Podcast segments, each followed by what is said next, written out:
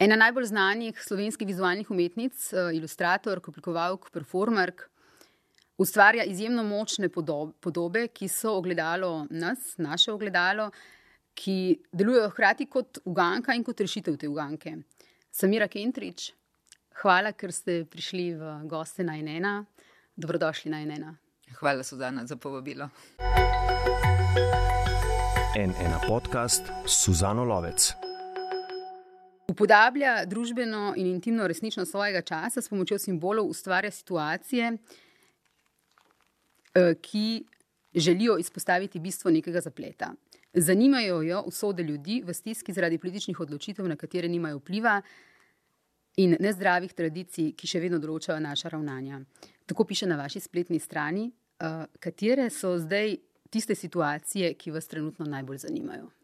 Uh, trenutno delam na dveh vsebinah. Uh -huh. Ena je zelo, zelo splošna.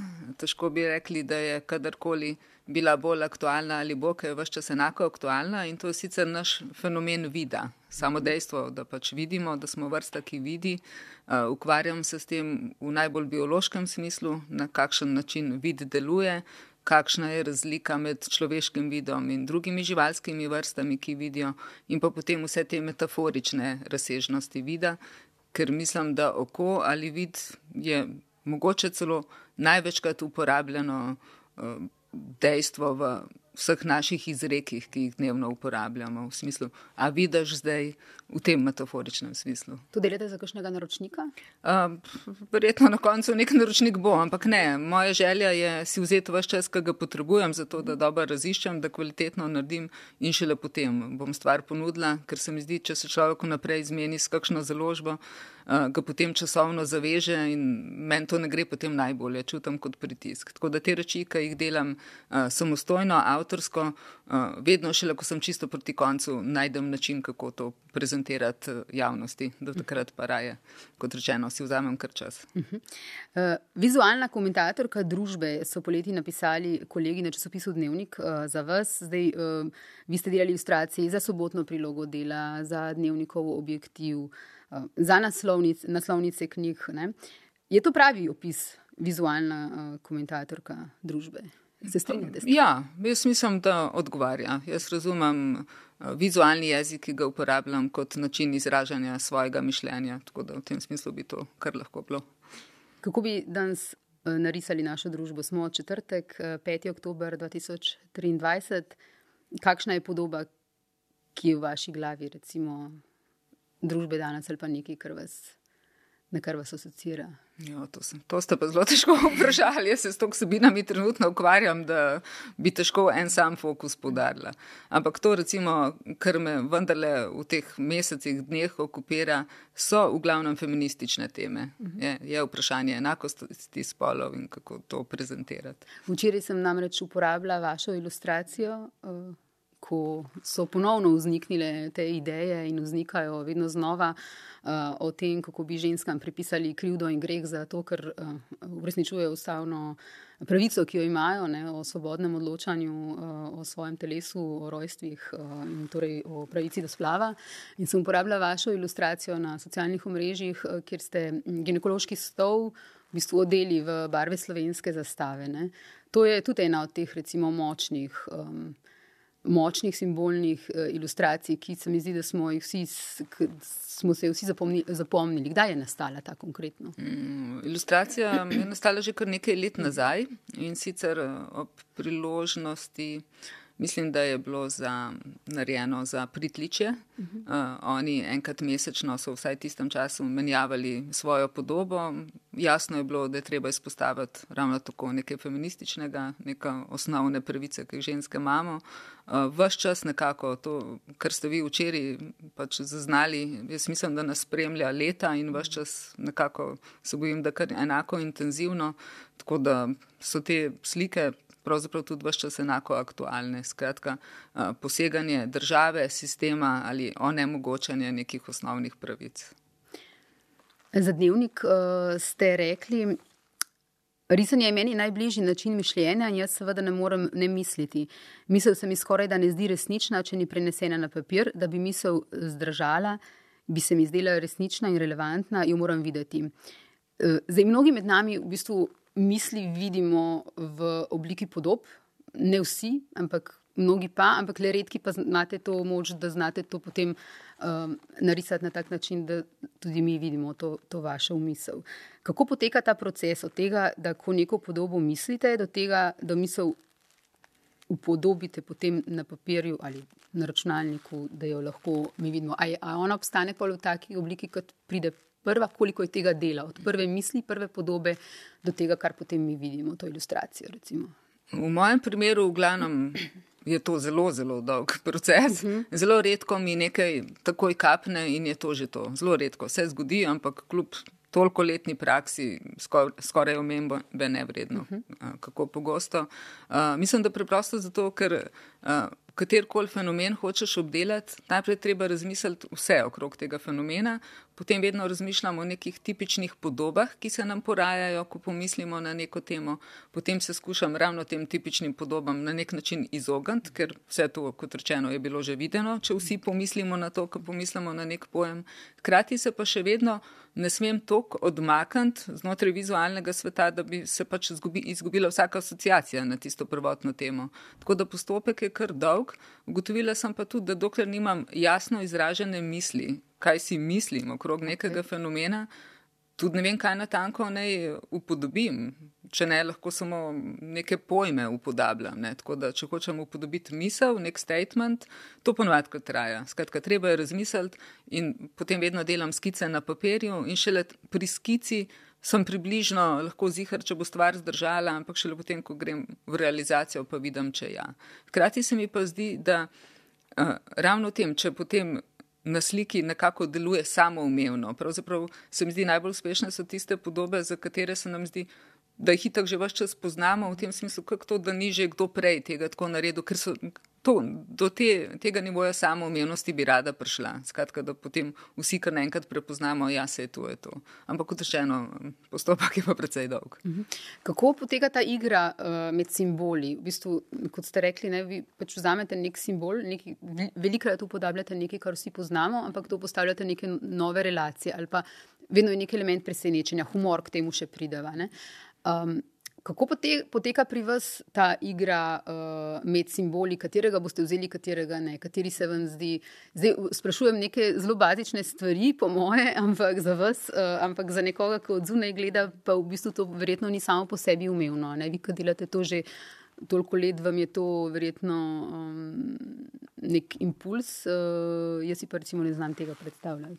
Kako veste, kateri simbol vzeti, da bo funkcioniral uh, in katerega ne?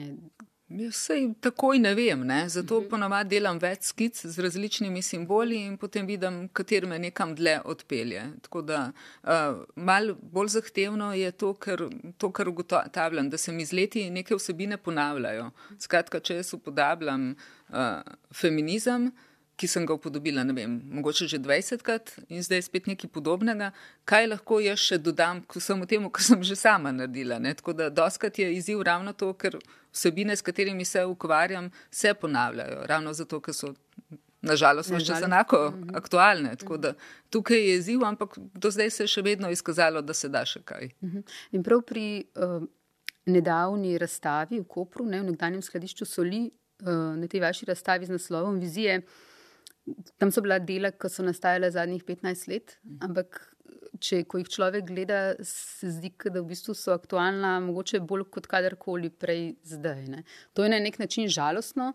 Um, hkrati pa vedno znova pridejo prav, ker se spomnimo, da okay, tega še vedno nismo rešili v 20 letih. Recimo, Um, kakšne ste imeli vi občutke, ko ste recimo, eh, te ilustracije razstavljali po toliko letih? Ste razmišljali tudi o tem? Uh, ja, pravzaprav podobno kot vi trdite. Uh, sploh se mi zdi zanimivo uh, tisto petletno obdobje, ko smo sodelovali z Ervinom Hladnikom mm -hmm. Milhrčičem in je on pisal komentar in jaz istočasno risala. In tam so recimo nastajale podobe nekih konkretnih politikov, konkretnih situacij in po vseh teh letih ugotavljam, da marsikaj je še vedno isti politik aktualen, Ampak tudi tam, kjer ni, bi lahko samo zamenjali obraz in bi bila situacija še vedno ista. Skratka, se mi zdi, da so to vse neke take metafore, ki nažalost na se izkazujejo za še kar večne, ne? da vzdržijo. Da, ja, tudi jaz nisem imela občutka, da je sploh kaj časa vmes minilo, vsaj na slikah se tega ne vidi. Uh, Ervin Hladnik Nimrhač, če bi bil ravno prejšnji teden tudi tukaj moj gost, uh, vse poslušalke in poslušalce, uh, gledalce in gledalke napotujem, da si poslušajo tudi pogovor z njim. Govorila sva o um, vonju po vojni na Balkanu, ponovno o, o mednarodnem miru, o Ukrajini. Tako da res priporočam tudi uh, vse, kar je on uh, povedal. Tudi jaz priporočam vse, kar je povedal. v, pred, v um, petek ste imeli performance, v, mislim, da v Kinu Šiška. Uh mhm. -huh. Mm, tandem Eclipse, vlasta Delimar, Alma Gračani in Misterij, ja, Misterij orgazma. Pogovor kot performance, akterke komentirajo znana prepričanja o ženskem orgazmu in jih primerjajo s svojimi izkušnjami. Kakšen je bil odziv občinstva? Uh, Imeli smo izrazito srečo z občinstvom, ker nekako občinstvo, ki prihaja v Kino Šiška, je na nek način že posvečeno in lahko veliko pričakuje. tako da pogovor je bil zastavljen tako, če malo opišem uh mhm, -huh, situacijo, da sva s Tino, ki se zdaj razumeva kot srednja generacija, uh mhm. -huh. povabili mlajšo akterko iz Bosne in starejšo akterko iz uh, Hrvaške. Skratka, želeli smo to neko prostorsko povezavo, ki ni izključno uh, znotraj Slovenije, in uh, medgeneracijsko povezavo. In fokus naj bi bil izkušnje našega orgazma, ženskega orgazma, deliti skratka, to najbolj intimno, kar smo doživeli ali kar okrog tega razmišljamo. Uh, in sam pogovor, performance smo uh, v bistvu sestavili na tak način, da vagina, ena od performerk, je služila temu, uh, da je vsebovala listke z devetimi tipičnimi izjavami o ženskem orgazmu. Uh, potem smo akterke druga za drugo na ključno oblekle te listke.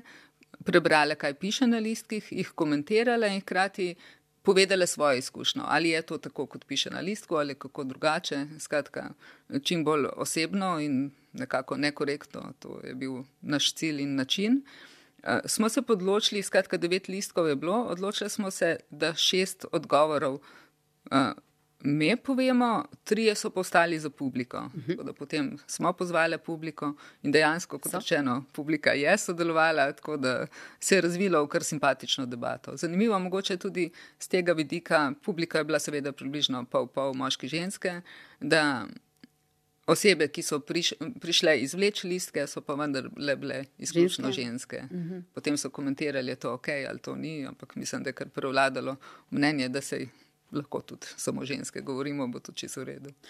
Katere pa so naj, naj, najpogostejše, recimo, zmote ali pa najbolj zgrešene?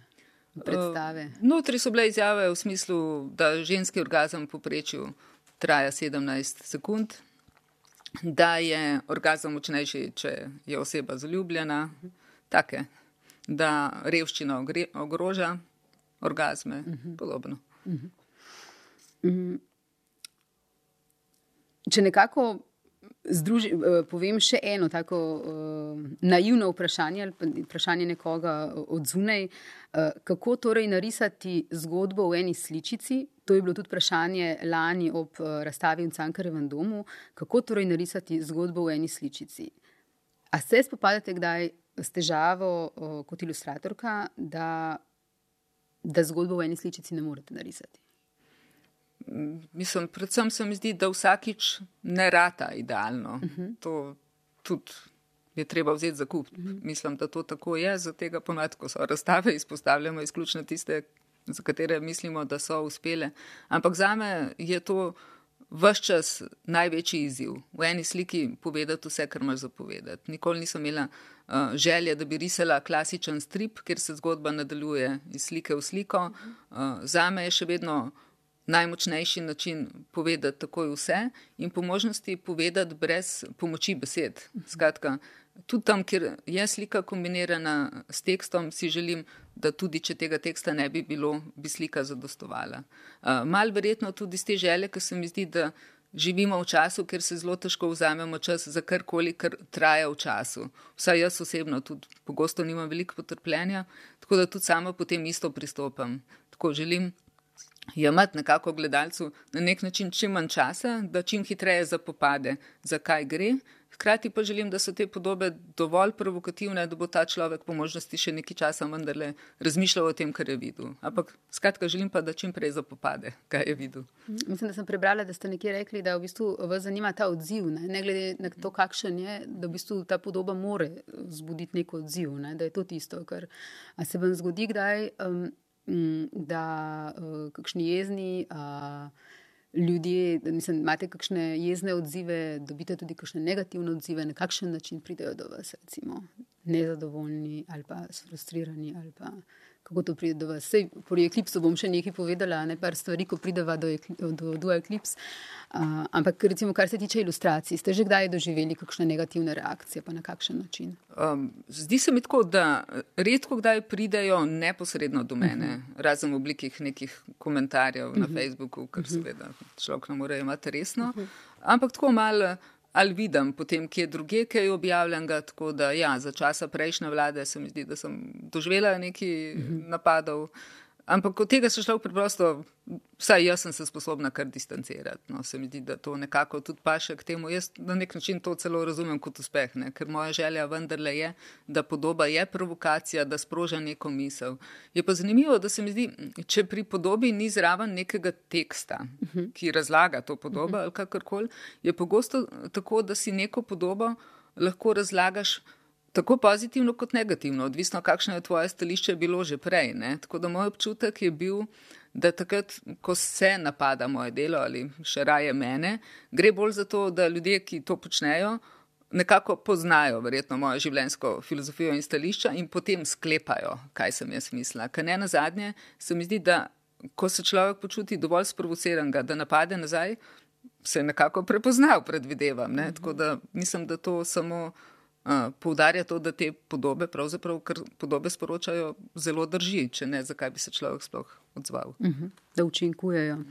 Uh, vaše naslovnice, ki jih naredite za različne knjige drugih avtorjev, um, so hkrati del te knjige, ne za katero delate naslovnico, hkrati pa imajo, se mi zdi, tako svoje življenje. Uh, kako poteka to delo, ko delate v bistvu naslovnico za knjigo? Um, Ali je vedno vsebina tista, zaradi katere recimo na začetku rečete ja? Vedno preberete najprej knjigo in rečete, to bom delala, to ne bom delala. Ali se mora vedno uh, ta vsebina knjige um, strinjati z nekimi, se, se morate vi strinjati z, z neko rdečo nitjo, z bistvom tega, kar knjiga želi povedati? Bi kdaj delali tudi za naročnika, s katerim recimo se ne bi strinjali? Uh, mislim, načeloma jaz nisem zbirčna, si tega tudi ne morem poročati, niti nimam te potrebe. Uh, v glavnem me doletijo knjige, ki imajo neko humanistično ali družboslovno vsebino, večkrat to kot leposlovno. Uh, ni mi pomembno, da se nekako strinjam z bistvom knjige, niti mi ni tako zelo pomembno, da tudi to knjigo ali to knjigo občudujem ali ne. Uh, vedno pa knjiga ima neko vsebino in itak si ne želim še enkrat sporočiti isto, kar sporoča knjiga. Uh, tako oblikovno se zavedam, da bralec ali gledalec, skratka nekdo, ki prije prvič v stik s to knjigo, ki sem jo jaz ilustrirala, to, kar bo najprej naredil, je, da bo prebral naslov in sliko na naslovki skupaj. Skratka, zdi se mi fajn, če se zgodi neka fajn dinamika med naslovom in sliko, tako kot smo prej rekli, da se spet nekaj sproži, da se nekaj sprovocira.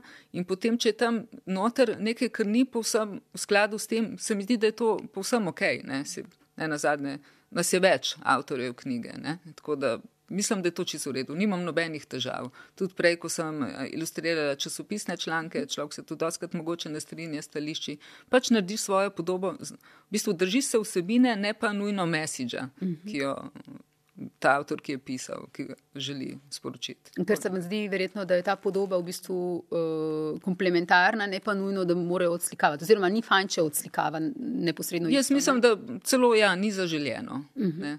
uh, sem pa opazila celo to, da ni nujno, da tiste knjige, ki so mi bliže, ali pa vsebine, ki so mi bliže, da bolje ilustriram. Sploh ne. To je res veliko enih faktorjev, vedno v igri in ravno za tega nima nobenega smisla izbirati, ker se mi zdi, da doskrat nekaj zelo spodobnega rata tam, kjer nisi pričakoval. A nekateri projekti, kot ste prej rekli, to, kar delate zdaj z očmi, nastajajo verjetno dlje časa, tudi vaše knjige, v katerim pridemo, nastajajo dolgo časa. Nekatere stvari, recimo ilustracije za kolumne, omenili ste Ervina Hladnika, Milharčiča in tako naprej, uh, nastajajo verjetno v zelo kratkem času, ne? bi rekla par dneh. Joj, ko bi le bilo par dni. Včasih tudi en dan. Ne? ne, celo manj. V resnici teh pet let, ko je nastajala ta kolumna z ilustracijo, uh, sva se ponovadi z novinarjem slišala, recimo v torek zvečer, se pogovorila, kaj je vsebina, kaj se dogaja, kaj približno bo Ervin spisal. In potem sva istočasno naslednje jutro do povdne začela delati, in mislim, da tam do ene pol enih, enih sva imela oba rok za oddajo, in to je bilo to. Tako da stvari so se naknadno sestavljale in funkcionirale. Uh, predvsem je vladalo neko veliko zaupanje, da se bo to sestavljalo, kar se mi sploh zdi, da je osnova, da človek lahko sproščeno dela. Uh, sem pa zelo vesela tega obdobja, ker se mi zdi, da te nauči discipline, hitro razmisliti, hitro reagirati, tudi potem poenostavljaš stil, ker veš, da detajlov ne moreš izpiliti. Skratka, delati na tem, da čim hitreje pride mesič skozi. Uh, v tistem času mi tudi ni bilo tako pomembno, da je vse tako v nulo izrisan, raje bi zapostavila stil kot sebino. No? Tako se mi zdi. Pri medijih, pri časopisih ali kakorkoli, ne v novinarstvu, se mi zdi tako, da je zelo fajn, vsaj meni je zelo fajn, da čim prej pride vsebina skozi, ne, tudi če naredimo kakšno manjšo napako. Ker preprosto tega časa ni in tudi ni tako pomembno, ker ne gre toliko za stil, kot gre za mesič, se meni zdi. Rekli ste tudi prej, da uh, vam ni tako pomembno, oziroma da lahko vsak bere uh, vaše podobe tudi preko sebe na različne načine, verjetno. Ne? A se kdaj vprašate s tem, a, a torej se ne verjetno vprašate, ali bo kdo narobe razumel, kar hočem povedati? Ne, ni poanta v tem. Ne, nikoli ni uh -huh. poanta v uh -huh. tem. Pravzaprav sem vesela, če vidim, da je do, kdo kaj čist drugače prebral. Ne, ne želim diktirati načina branja, želim predvsem, kot rečeno, sprovocirati interes, od tam naprej pa seveda vsak po svoje. Uh -huh. Eh, koliko časa pa nastajajo, če, smo, če ste zdaj opisali, eh, kako je z kolumnami, za časopisne članke, recimo, mislim, za kolumne v časopisu, pa kako dolgo nastajajo neki projekti, kaj pa recimo naslovka knjige, kako pa to nastaja, je to tudi dolgotrajen proces? Mm, to pa je malo odvisno, tudi koliko časa mi dajo, v manj kot enem tednu vsekakor ne morem narediti, to uh mhm. -huh. sem ugotovila.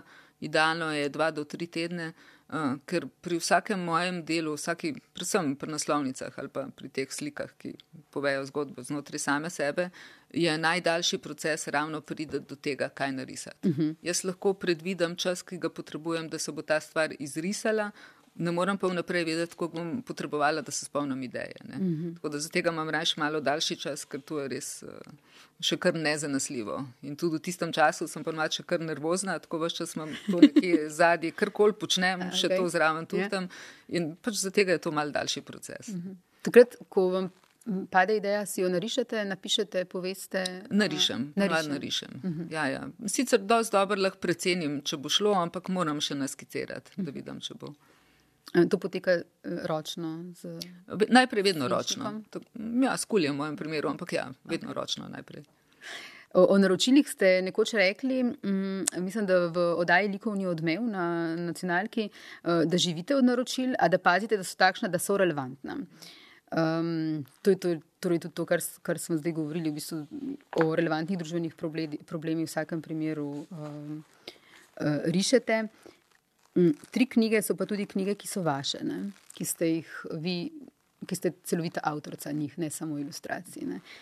Balkanalije, ki je v bistvu o odraščanju v času razpada Jugoslavije in ki je v bistvu knjiga o vas, prav vas. Ja, autobiografska, rečemo. Tako.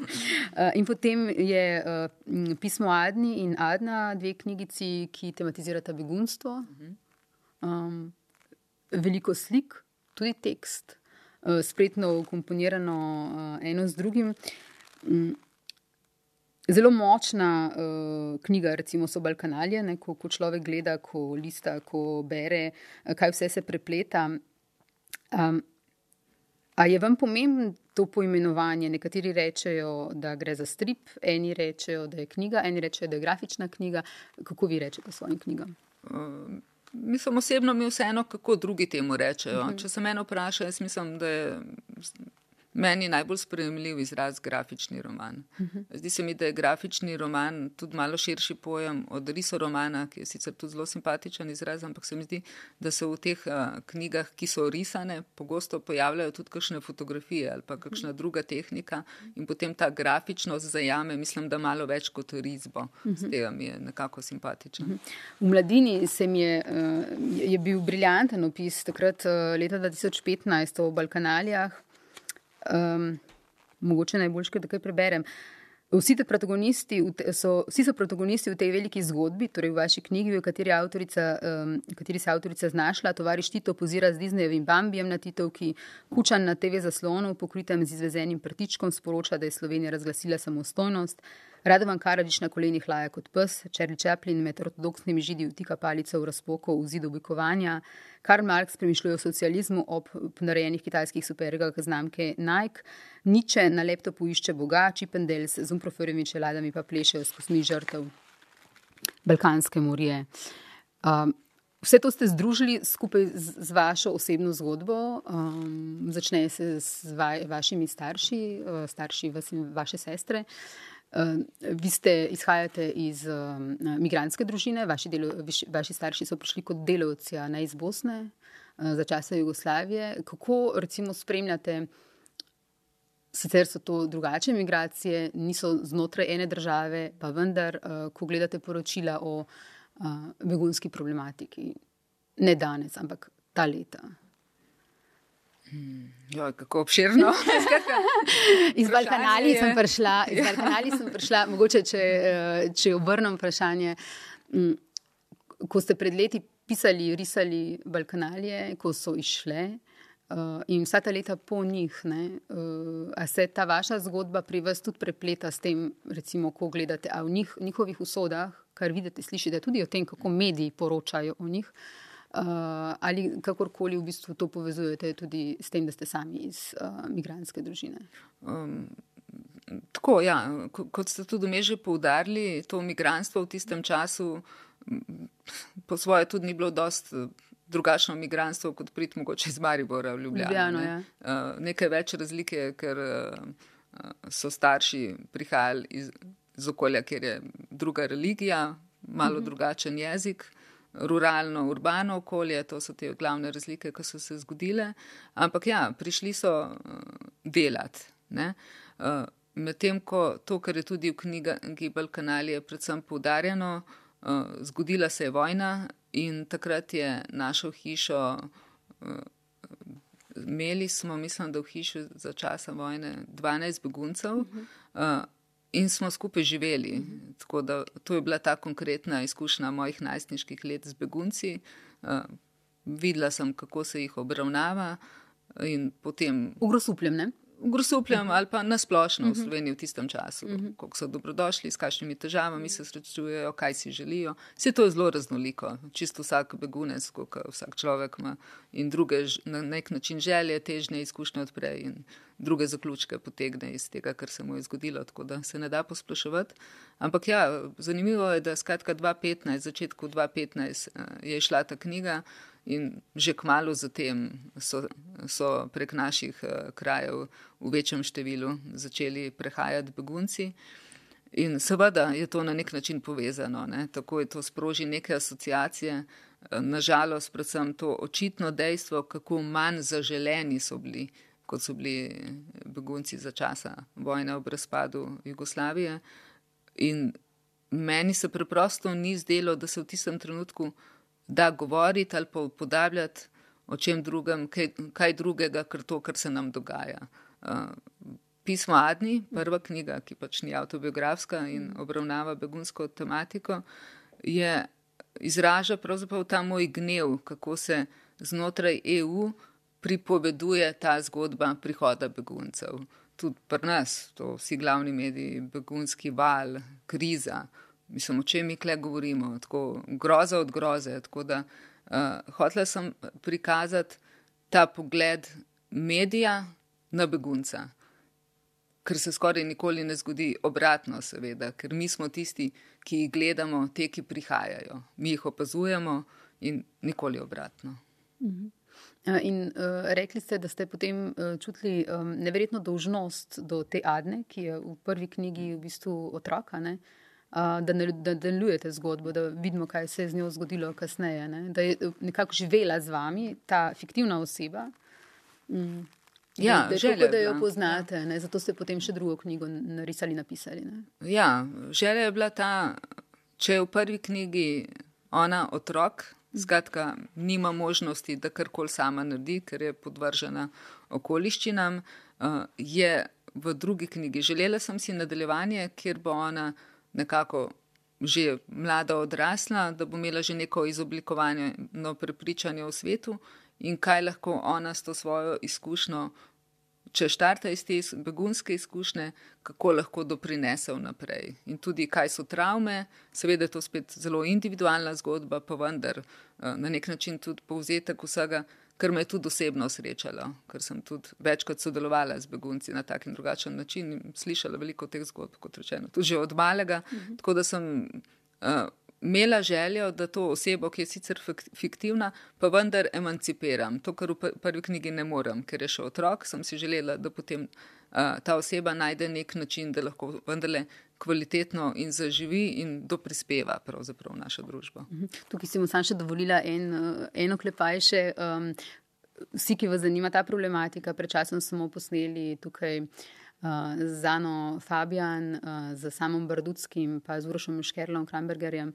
Um, En podcast o begunski problematiki, letos poleti smo ga posneli, tako da mogoče ta pogled uh, z druge strani, ker oni se dnevno srečujejo, tudi dan danes uh, s to problematiko, uh, tako da toplo tudi to priporočam poslušanje oziroma uh, gledanje. Um, Ja, tudi to je tema, ki je nekako večno prisotna in nažalost, nažalost enako aktualna. Ja, in nažalost tudi ta pogled. Eh, ne, tako kot ste rekli, na drugačen način smo mogoče, ali pa je družba sprejemala uh, begunce iz Bosne, pa zdaj recimo begunce iz Ukrajine na čisto drugačen način kot vse druge begunce, ki jih veliko bolj za tujce jemlje slovenska družba kot um, te dve kategoriji. Recimo, Mm, ena od vaših eh, naslovnic eh, je bila tudi naslovnica knjige eh, Zakaj ne pišem Diane Matkovič. Um, a se vam kdaj zgodi, da v bistvu, recimo obratno, da obstaja neka knjiga, ki ste jo prebrali, pa in, in niste ilustrirali naslovnice, pa da se vam zdi, um, to bi pa jaz rada ilustrirala, ali pa da dobite idejo ob knjigi, ki jo berete, pa ni, ni knjiga, ki jo boste ilustrirali? Ne, moram reči, da to je zelo redko. Ne. Um, Opazim pa, če je slaba ali dobra. To pa. Ja. Ampak tam naprej več kot to se pa ukvarjam. Ja, ja. Tudi če je slaba, če me zanima knjiga, priznam, bom ravno tako kupila. Še bolj pogosto se pa dogaja, da če je knjiga lepa, jo kupam. No? To imam pa kar navado. Da mora biti estetska. Uh, ja, če knjiga tako, pač po mojih standardih, seveda, mi je pa vseeno celo, če ne razumem jezika. Recimo. Da ja, kupite, ja, recimo, že zaradi naslovnice? Naslovnice ali pa bolj pogosto, recimo, zdaj le sem preživela en mesec v Berlinu in sem domov prinesla devet grafičnih romanov, če se ena so v nemščini ali kakšnem drugem jeziku, uh mhm. -huh. ker preprosto so tako lepo izdelani. Uh mhm. -huh. In ker slika govori sama po sebi? Tudi, ampak še celo to mi ni pomembno. Prav gre za stil in eh, ta občutek, ko knjigo primem v roko. Okay.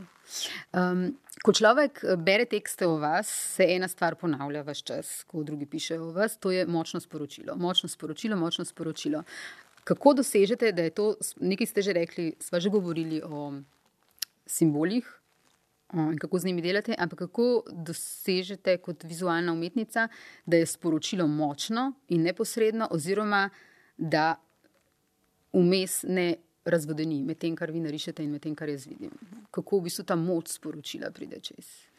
Jaz še vedno mislim, da v osnovi gre za najprej za to moč mišljenja. Jaz mislim, bolj kot imamo izdelana stališča, eh, bolj kot smo nekako tudi eh, notranje motivirani, da nekaj povemo, močneje to pride ven. Ne? Tako da vsekakor je to vedno in zgolj na podlagi tega, da imaš izrazito izdelano mnenje o nečem. Mhm. In izdelate si ga, to ste, mislim, da že rekli, uh, tudi na podlagi tega, da se veliko pogovarjate z drugimi ljudmi. Mislim, da ste rekli, da imate srečo, da lahko govorite z ljudmi, uh, se izobražujete, jih vprašate za mnenje uh, na tak način. Uh, kako, torej, o čem vse mislite, da, da je treba imeti mnenje? Jaz mislim, da po možnosti je treba imeti mnenje o marsičem.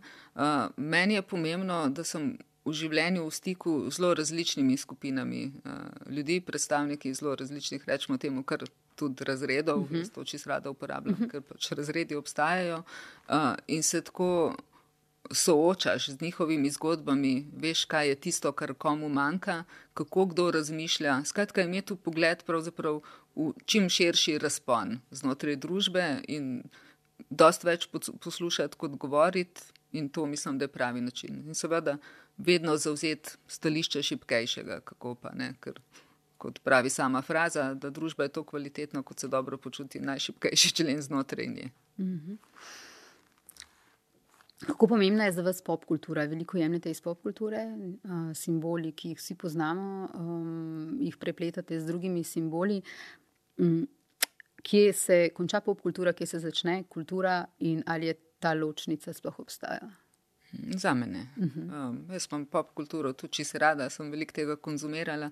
In tu se mi zdi, če razumem svoje delo, uh, v kombinaciji s to željo, da ljudje razumejo, kaj uh, želim sporočiti, moram nujno uporabljati like, predmete, ideje, ki so prisotne v pop kulturi. Tako da nimam nobenih težav. V resnici mislim, mene nobena ločnica ne zanima, mislim, da kar je kvalitetno, nekako zaznamo ali se pogovorimo o tem, itak o okusih se ne razpravlja. Tako da ne, nimam nobene želje, niti da bi ta polja definirala, niti da bi sebe kamorkoli vrstila. Uh -huh. uh, katera ilustracija pa je dobra za propagando? Zdaj, uh, jaz imam doma recimo eno knjigo o propagandi v času druge svetovne vojne. Mm, in so noter ilustracije, recimo iz uh, fašistične ilustracije, iz uh, nacistične Nemčije, uh, ilustracije, ki so jih zavezniške države delale, japonske ilustracije. In v bistvu izgledajo zelo podobne. Um, in sem se potem spraševala, ko sem v bistvu se pripravljala na intervju z vami, um, kaj je uh, dobra propaganda. Namreč vi ste diplomirali iz uh, teme razvoj vojne propagande in možnost kontraudarca, oprostite motnje. Pa bi vas vprašala, kaj je torej dobra propagandna ilustracija in zakaj so vse enake? ja, vse mislim, da ste pravilno opazili. Ravno včeraj je bila neki, neka priložnost, ko smo ponovno spregovorili o plakatni aferi, ki smo jo imeli v Sloveniji leta 87, ki je opozorila točno na to. Ne. Če ti vzameš neko nacistično podobo in ji pripišeš samo neko drugo misel ali zamenjaš kakšen simbol, je to lahko že zelo kvalitetna reklama za nek popolnoma drug sistem. Uh, jaz mislim, da sistemi nasplošno težijo k tej neki heroizaciji, uh, k nekim klišejem, ker ne na zadnje te podobe, ki jih sistem proizvaja, morajo kazati sistem v najboljši luči. To pa je na nek način. Vedno zelo podobno. Ne? Gre za neka idealna telesa, gre za mladost, gre za zelo presenetljivo, pogosto neke družinske vrednote in kombinacija tega, vedno, ne glede na sistem, nekako rezultat je isti. Ne. To je tisto, kar, je, kar sistem predvideva, da je ljudem najbolj všeč in pogosto se tudi izkaže za resnično. Mogoče znotraj zgodovine propagande je meni vedno zanimivo tisto prvo obdobje um, tam od leta 1917 v Sovjetski zvezi uh, podobe, ki niso realistične. To je, jaz, vsaj jaz ne vem, za neko drugo obdobje v zgodovini, ki bi na tak način uh, propagiralo, da bi si s tem propagiral sam sebe s podobami, ki so popolnoma abstraktne. Ne. To je to obdobje konstruktivizma, ko so nastajali neki plakati, kjer so neke osnovne oblikovne forme nastopale kot krog, uh, trikotnik, kvadrat in je že to nekaj pomenilo. Tako da recimo znotraj propagande je meni to še posebej ljubo uh, obdobje, ker je tako različno od vsega, kar smo videli prej in potem. Drugače pa ja, mislim, klišeji delujejo, če ne se jih ne bi vse čas znova uporabljalo. Kako naj uh, uporabnik uh, popularne kulture države uh, in tega sveta loči med propagando in umetnostjo? Uh, jaz mislim, da tukaj gre predvsem za našo razgledanost. Uh -huh. ni, ni druge. Ko ste zdaj omenili plakatno afero, da ste včeraj govorili, to, to na tem uh, pogovornem večeru, ki ste ga včeraj vodili? Tako, ja. ja, ja. Bila je priložnost, ker, ja. uh, a kar povem malo. Ja, kar povejte. Ja. Skratka, uh, uh, od Mire Furlan soprok. Tako, je ja. v Sloveniji. Je bil moj gost, jaz sem se pogovarjala z njim o knjigi njegove žene, uh -huh. uh, ime Rajši od vsega na svetu. In ta plakatna afera leta 87 je nekako vplivala tudi na njuno, njegovo življenje v tem smislu, da je bil on takrat študent uh, režije v Beogradu, skušal je istočasno uh, narediti spit uh, iz dokumentarca, ki ga je naredil o Lajbahih takrat. Uh -huh. In uh, nekako je to postalo problematično, in mu ni uspelo um, speljati tega izpita. Odpovedali so se celo uh, sami projekciji tega dokumentarca, in je trajalo kar nekaj časa, preden je on najdel način, da to stvar zaključi, in tako naprej. Ampak skratka, bil je nek čas. Ko, se, ko so se potencirali in neki pritiski, in seveda, konec 80-ih, zelo jasno, že neke nove ideje, in ta plakatna afera v tistem času, seveda, za tega toliko bolj tudi dobila več tog prostora in pozornosti. Mhm. Ko v bistvu jaz eh, razmišljam o Miri Fulan in o teh sporočilih, ki jih je ona pač dajala in o tem pogumu, ki ga je pokazala, ko je reagirala, kot je reagirala. Uh, Nekako se ne morem eh, znebiti tega vtisa, ne, da ko vedno govorimo ne, tako paušalno, da ljubezen v bistvu vse reši. Ne. V bistvu ne, ne, Jugoslavija nobena ljubezen ni rešila. Ne. Hočem reči, ljubezen včasih ne premaga sovraštva. Ne. In njuna zgodba, to, kar se je njima zgodilo in kako se je nadaljevalo, je tipičen primer tega, kako. Uh, ljubezen ne nujno premaga sovraštvo. Ja, hkrati pa, če pogledamo drugače, ne, uh -huh. je pa njuna ljubezen obstala. To In to je velika reč. Od strani tok zunanih pritiskov, da ljubezen zdrži, se mi zdi wow. Uh, ena zelo lepa misel je tudi uh, znotraj njene knjige, ko se ona sama sprašuje, zakaj je ravno ona tarča. In mislim, da zelo pravilno ugotavlja, meni je ta misel zelo simpatična, ravno zato, ker ta njun odnos kaže, da je možno. Sobivanje je možno, celo kaj več od sobivanja je možno. Torej, nacionalizmi, ideje nacionalizma se motijo, kajti uh, to je konkreten dokaz, dokaz, da se da. In to je res ena močnejših misli v tej knjigi. Ampak morala sta pa ven, v bistvu. Da... Morala ja. sta pa ven, ja. ja. In ugotovila potem, da tudi zunaj mogoče ni tako zelo drugače. Mm. Mm. Ali se kdaj zgodi, da. Um, da se ustavite pred nekim problemom in da rečete, ne tega pa ne bom podobila. Nekaj, kar bi se samo cenzurirali, recimo. Se je to že zgodilo. Da je kakšna tema taka, da ste rekli, ne tega pa ne. Um, samo cenzurirala, mogoče tam, kjer sem sama razmišljala. Mislim, če naročilo, pač najdem nek mhm. način, da to speljem. Včasih sem mogoče sama pa razmišljala, da bi nekaj upodobila pa se mi je na trenutke zdelo, da mogoče ni pravi čas. Mogoče celo, da ne bi bilo fair do te osebe, ki bi jo podobila, da jo podobim na tak način, kot mi je kapalo, za katerega sem kar pripričala, da bi mogoče delovalo.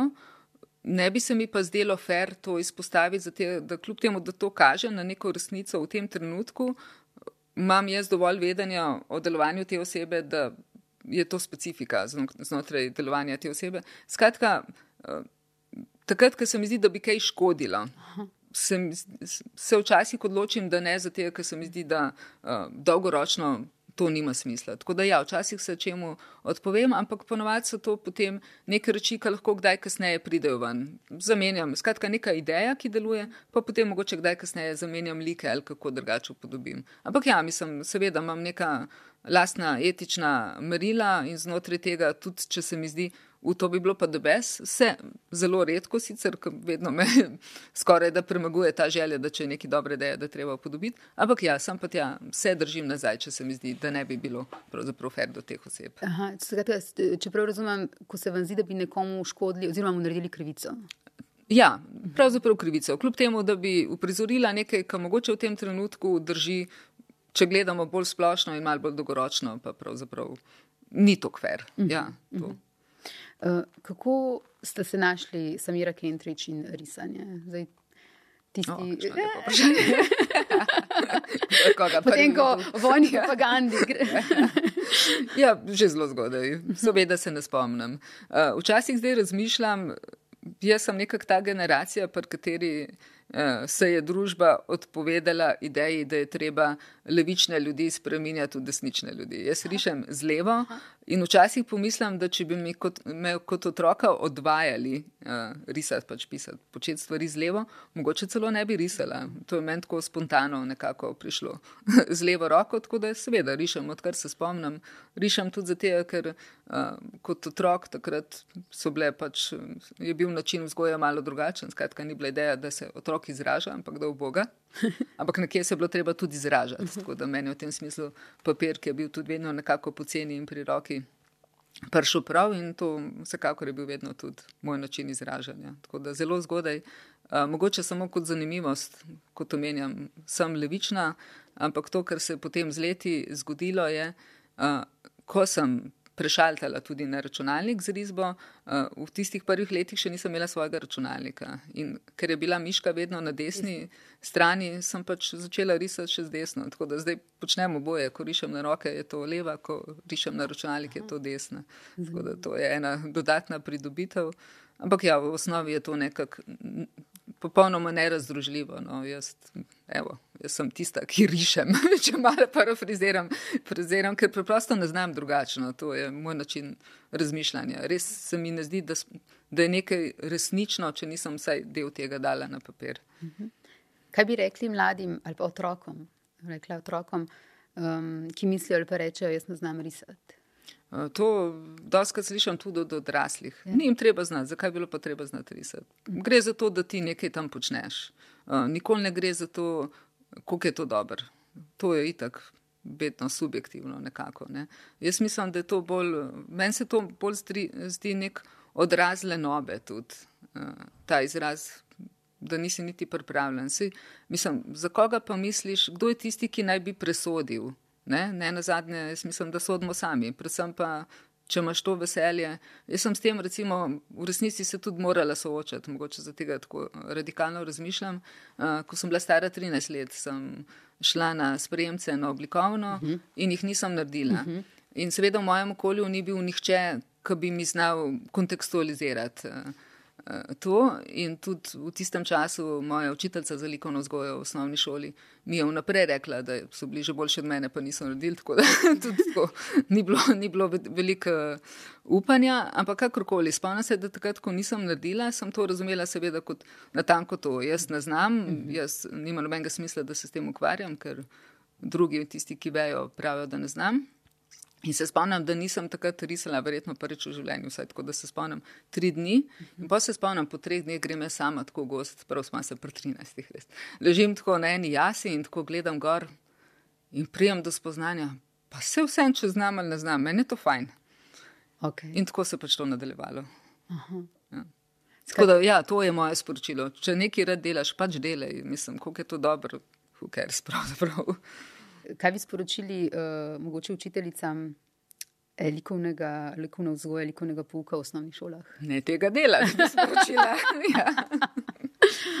Um, skratka, otroci, ki imajo veselje, ne rišajo Tako. in eh, jih nihče ne govori. Ja, mislim pa celo, malo tako se mi zdi, vse vedno v življenju pride pa do nekih selekcij, ne? vsi ne morejo na isto šolo in tako naprej, ampak eh, tisti, ki ima veselje, bo to počel še naprej. Uh -huh. Tako da predvsem ni za zatirati veselja. Uh -huh.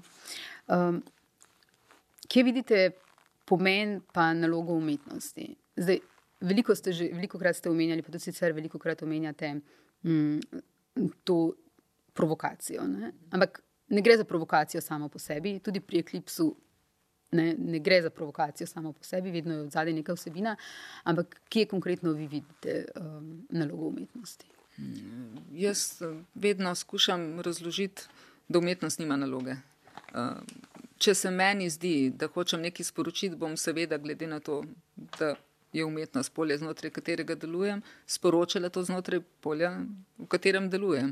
Načeloma pa tukaj ni čisto nobenega pravila, groza me je celo, da bi se kaj pričakovalo od umetnosti. Uh, rada si domišljam, da je to res neko igrišče, da je to neko Polje polje svobode. eksperimentiranja in svobode in kaj uspe, kaj ne uspe. Mislim, da je to preprosto neko polje, ki ga je treba zalivati, financirati, kakorkoli, in da je rezultat popolnoma negotov. In to je v redu. Sem pa tja bo vzniknilo nekaj novega, nekaj nenavadnega. Večina bo mogoče ostala poprečno, ampak nima veze. Jaz mislim predvsem, da za spodbuja to našo ustvarjalnost in to željo po igri, po izmenjavi nekih uh, slogov, misli in tako naprej. Tako da res polje svobode, no? ne morem drugače. Ne bi želela, da ima kakšno drugo nalogo. Eh, Rekli ste za sobotno prilogo dela, da eh, raje govorite o tem, kaj mi je v umetnosti blizu in všeč, kot o tem, kaj se mi zdi bolj ali manj pomembno. Eh, Kaj vam je v umetnosti blizu in všeč, recimo zdaj? Zdaj pa to tudi malo težko odgovorim, ker je vedno to, kar trenutno opazujem, je tisto, uh, kar me tudi trenutno okupira. Uh -huh. Recimo, um, zdaj, pred kratkim, ko sem bila v Berlinu in sem hodila po muzejih, sem gotovila, uh, tako če pomislim. Za nazaj sem zelo uživala v nekih renesančnih slikah. Uživala sem, kako zelo realno se lahko upodobi neko sceno nekega človeka, vsebino in kak- kako se je to razvijalo skozi stoletja, te naše spretnosti, te različni slogi. Uh, Zdaj sem pa ugotovila, da me fascinira nekaj posebno drugega. Skratka, uh, največ časa sem preživela v delu starega Egipta in opazovala hieroglife. Uh, skratka, to, kar me trenutno fascinira, je, kako se je iz uh, vizualnega znaka razvil jezik, kako se je vizualen znak abstrahiral, skratka, uh, in kako to narediti. Skratka, ravno obratno. Če se me je še do nedavnega zanimalo čim bolj realistično upodabljanje sveta, me zdaj zanima ta postopek uh, k čisti abstrakciji, skratka, recimo k črki. To je trenutno meni najbolj zanimivo. In nekje ste rekli, da v bistvu prihaja pa že do te obratne poti, ne? da z, z, emoji z, ne, uh, prehajamo nazaj na Tako ja, hieroglife. se ne? pot eh, obrača, verjetno tudi zato, ker imamo vsi občutek, da smo malo prezaposleni in hitreje sporočimo svoje čustvo ali svoje mnenje nazaj, tako da uporabimo samo en znak in ne cele besede. Tako da ja, očitno nas čas sili v to povratno pot. Uh, V Balkanalijah uh, je veliko vas, je v bistvu knjiga o vas, tako kot ste rekli. Uh, Nekje ste rekli, osebno razgaljenje in brezkompromisnost v predstavljanju zgodb me ne obremenjuje, saj imam konkretne izkušnje v delovanju Due Eclipse. In zdaj prideva k uh, tandemu Eclipse. ja. ja, k tandemu Eclipse. Vam je Eclipse pomagal, da ste postali bolj neposredni, neustrašni, recimo tudi v ilustraciji? Vam je ta izkušnja? Dajmo najprej povejte vi, kaj, kaj je tandem Eclipse. Jaz se še dobro spomnim takrat v eh, 90-ih letih. Čisto konec a, 99, tako, 99. Tako, 99. prvič. Ja. prvič. uh, spomnim se stvari v kapelici, recimo. Ne. Um, ampak kako bi recimo nekomu, ki takrat ni živel ali pa, uh, ali pa ni Spremljal. hodil na uh, te uh, umetniške performance, kako bi opisali, kaj je tandem Eclipse? In ne smeva govoriti v preteklosti. Ne? Ne, Tako. ne smejo, glede na to, da Tako. bilo štiri dni nazaj, Ja, ja, nekaj težko govorijo o preteklosti. Ampak to, kar se je v preteklosti zgodilo, je, da sva bili s Tino Kolenik sošolki na akademiji. Uh -huh. uh, bolj različni osebi se ne bi mogli najti, to je res bilo skrajno zabavno. Skratka, Tina prihaja iz nekega uh, zelo osvobojenega okolja, zelo liberalnega okolja, nikoli ni bilo nič nerodno, nobenih težav s telesnostjo, seksualnostjo, skratka, vse takoj in zelo neposredno. Na nek način je odraščala v gledališču, njena mama je bila kostomografka, veliko časa je tam preživela. Skratka, videla je vse že kot mehna in noben je ni pri ni- ničemer držal nazaj. Pri meni seveda ravno obratno. Jaz sem bila bolj introvertirana, eh, vedno so me nekako privlačile bolj neke intelektualne vsebine, zelo veliko časa sem preživljala sama in se ukvarjala predvsem z nekimi mislimi, tudi risala vse čas, ampak nekako skrajno introvertirano. Skratka, to je bil res trg dveh zelo različnih značajev, še zdaj ne vem dobro, kako je sploh do tega prišlo. Ampak kakorkoli, mi da so se uh, na neki točki začeli družiti. Ker to, pa, kar je Tina imela, je pa ta neka popolna zanesljivost in empatija. To so pa neke lastnosti, ki pač sta nam očitno bili skupni in na tak način smo se našli. In potem se je iz nekega um, šolskega projekta, neke šolske naloge, fotografiranja, ko me je Tina prosila, če jo jaz fotografiram v nekih pozah. Uh, razvila to, da je takrat bil naš mentor Peter Dabec, zagrebčan, zelo dober fotograf, uh, tudi zelo odštekan in on je prvi in pravzaprav tudi edini videl, da to bi pa lahko nekaj bilo, pejte vidve, kar to malo naokrog pokazati. In enako naivno smo mi dve tudi k temu pristopile, Noč nismo vedeli o sistemu umetnosti, niti te bazične informacije, da pač je treba stvar prijaviti, da je treba počakati, dobiti finance in gordo. Skratka, mi smo šli kar, kar tako prosto od vrat do vrat, mislim, da je bil škuc. Skratka, neki teh uh, inštitucij smo obdelali, prišli do Jurija Karpana, njemu se je zdelo zanimivo in tako smo začeli tam sodelovati. Je pa to, kar, to, kar je nama prinesel ta tandem Eclipse. Skratka, Uh, Eclipse smo dali tudi zato ime, ker je neko telo bolj v spredju in drugo bolj v zadju, ti ni novo v spredju, ker to uh, rada počela, moja bolj v zadju, ker, to, ker sem, si, nis, nisem imela te potrebe toliko po izpostavljanju. Kar je zanimivo, da z vsemi temi leti uh -huh. se včasih vloge celo malo obrnejo. Uh -huh. Skratka, uh, kvaliteta tega najnega odnosa in dela, ki ga skupaj počneva, je to, da smo uspeli tudi druga na drugo kar precej vplivati. Skratka, jaz sem se sprostila telesno, Tina je ugotovila, da včasih dobro tudi malo več razmisliti, preden greš v akcijo. In tako se mi zdi, da pravzaprav si z leti mogoče postajava bolj podobni, glede na izhodišči, ki so bili res izrazito vsaka sebi. Uh -huh. uh, skratka, uporabljali ste veliko uh, golote, um, kot se temu reče, porno kiča. Kdaj je to postalo in zakaj je to dobro izrazno sredstvo za upodabljanje eh, ali pa upovedovanje družbenih problemov? Uh, mislim, da je to vedno bilo in bo dobro sredstvo za upodabljanje. Tukaj eh, se nimamo kaj predvarjati, da se tega ne zavedamo. Tako kot smo prej omenjali, zakaj so si propagandne podobe tako podobne.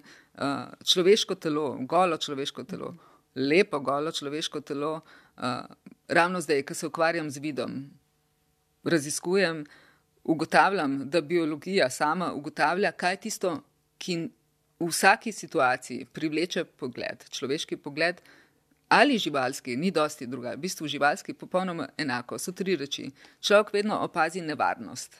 Opazi nevarnost okoli sebe, vedno opazi hrano in vedno opazi privlačno telo iste vrste. Skratka, če si človek privlačno človeško telo, tako da v tem smislu tudi biologija potrjuje, ampak v resnici mi sami vemo, da pač privlačno golo telo, zagotovo, mislim, zato se reče privlačno, ker privleče. Tako da vsekakor smo iz tega štartali, zavedali smo se, da bomo na tak način dobili pozornost in tiste vsebine, ki smo jih želeli, želeli dati v to telo, v to, ta performance, so na tak način tudi dobile performance. Tako da uh, sva se tega zavedali in to počeli. In počneva pravzaprav še vedno s tem, da ja, to privlačno mlado žensko telo se seveda z leti spreminja. Ne? Tako da za naju osebno je pa izziv ravno to, da ohraniš to veselje do nastopa uh -huh. in tudi to samo zavest, ko se telo spreminja, uh -huh.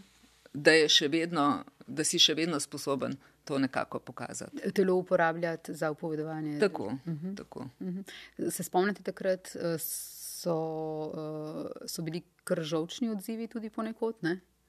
Uh, v resnici niti ne. To, ravno to je zanimivo. Um, pravzaprav.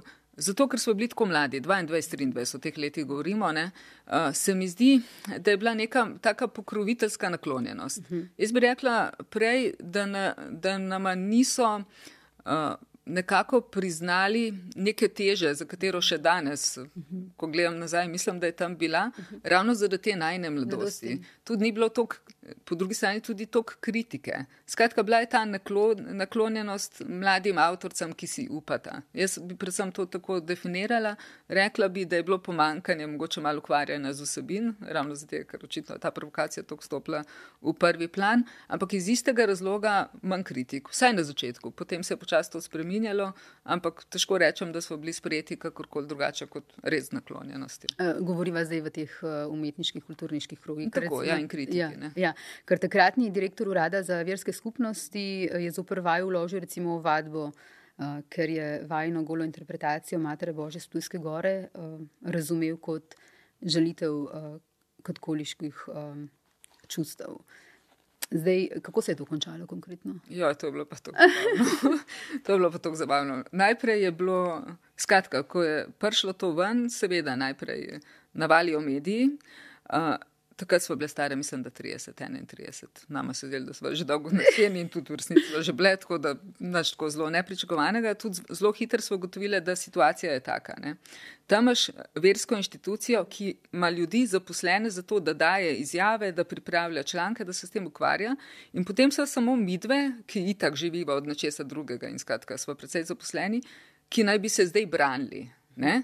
Mi dve smo se takoj zavedali, da to nima nobenega smisla in smo se odpovedali temu delu, da bi reagirali na to, kar naj jo je napadlo, ampak smo sem pripravili neko izjavo, nekaj par kratkih stavkov, uh, pre, predvsem v tem smislu, da Ptujsko-Gorska Marija vendarle v, njenem simbol, v njeni simbolni vrednosti pripada vsem nam, ne pripada, mogoče je sam objekt, pripada crkvi, če je crkva za njega plačala, pa tako naprej, pa še to vprašanje, kako je bilo. Ampak ta sama simbolika, možnost interpretacije, to pa nikako ne more biti v domeni ene inštitucije. Tako da to je vse, kar smo bili pripravljeni uh, o tem povedati in Za tega tudi nismo imeli, nama ni to vzelo toliko energije.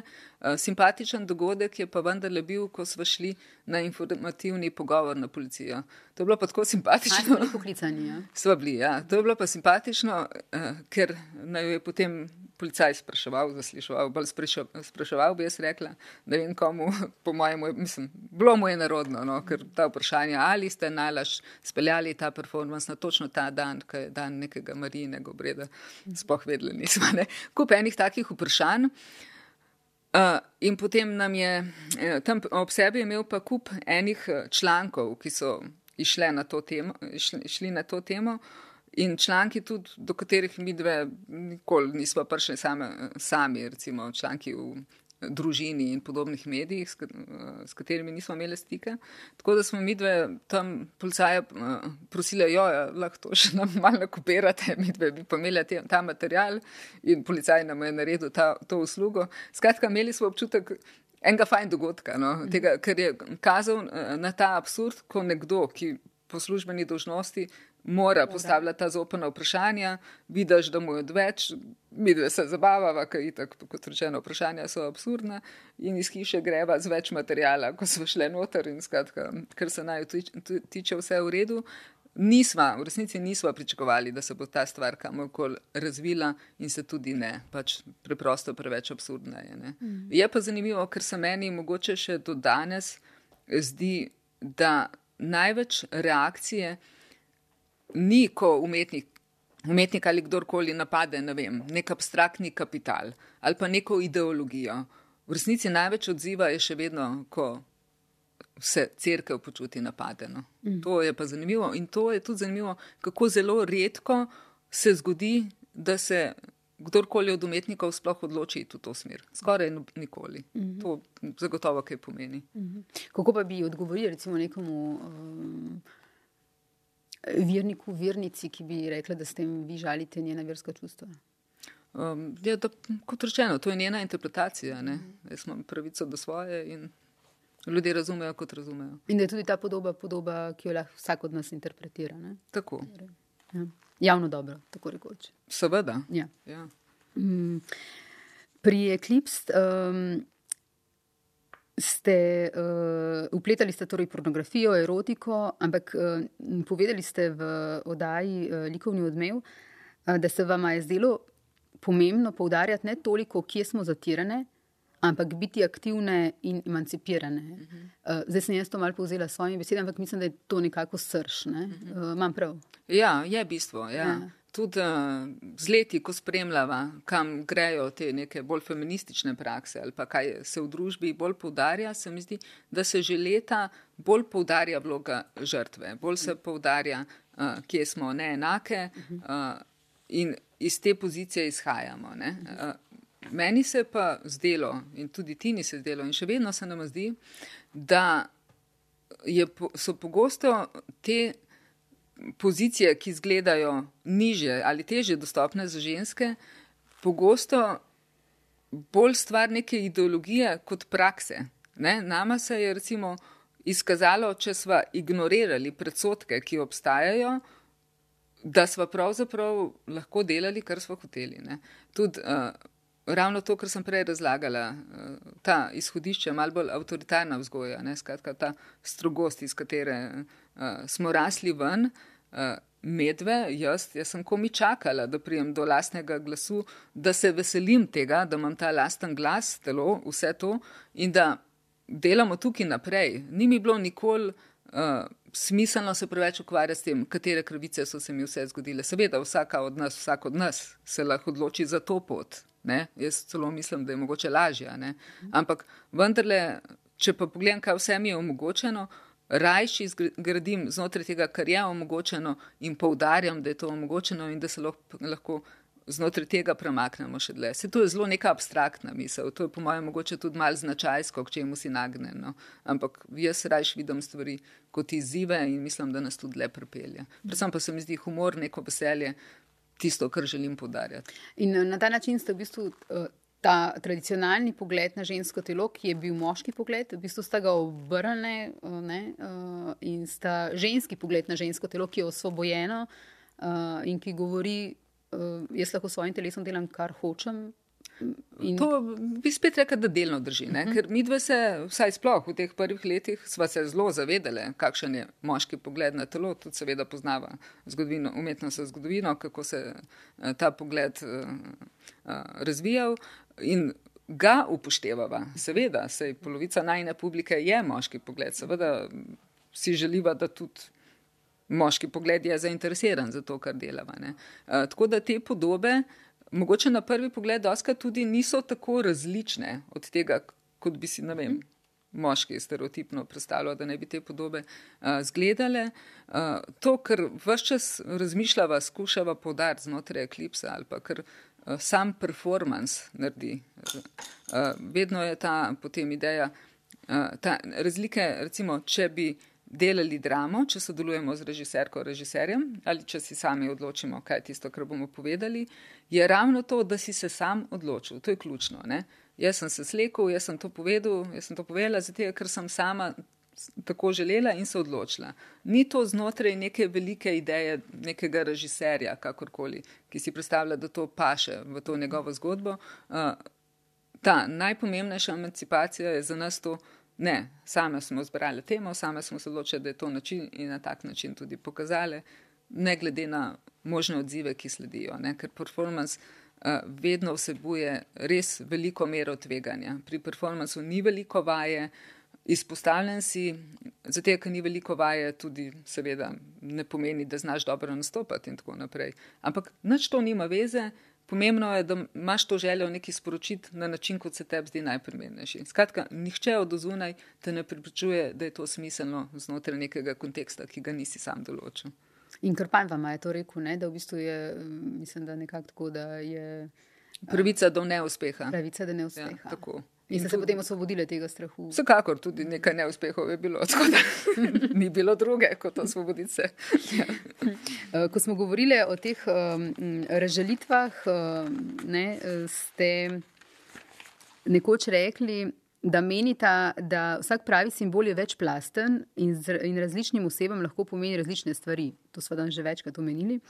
Uh, pri protestih zaradi njihove uporabe, pravite, pa gre za to morda bolj za poskus prilastitve pravice do interpretacije, kot pa za resnično prizadetost. To se navezuje praktično na na vse te v bistvu proteste. Ne? Tako, na vse, s čimer smo se že soočali. In to bi lahko povezali tudi recimo, s tistimi protesti, ko so bile pred leti, uh, spomnite se, takrat je bil množični pogrom uh, nad umetnicami ne, ob uh, Simoni Semenič uh -huh. uh, in tako naprej. Uh -huh. Gre za prilaščanje simbolov, ki so uh, od vseh nas. Tako je. Strani neke skupine ljudi, ki jih vidijo kot njihove in si lastijo edino pravo interpretacijo. Ja, mislim, noro zanimivo je to, kako eh, na simbole tudi čustveno reagiramo. Ne? V tem primeru je šlo na, za državne simbole in uh, imamo kar neko to idejo, kaj je spoštljiv način obravnavanja teh simbolov. Ok, uh, najlepša hvala. Za uh, uh, vaš čas, za tvoj čas. Um, mogoče za konec, um, Rekli ste, da se ukvarjate z vidom, z um, najširšem pomenu. Um, A je še kaj, kar bi zaznavate, še kakšen problem na polju umetnosti, kulture države, ki bi ga mogoče za konec izpostavili?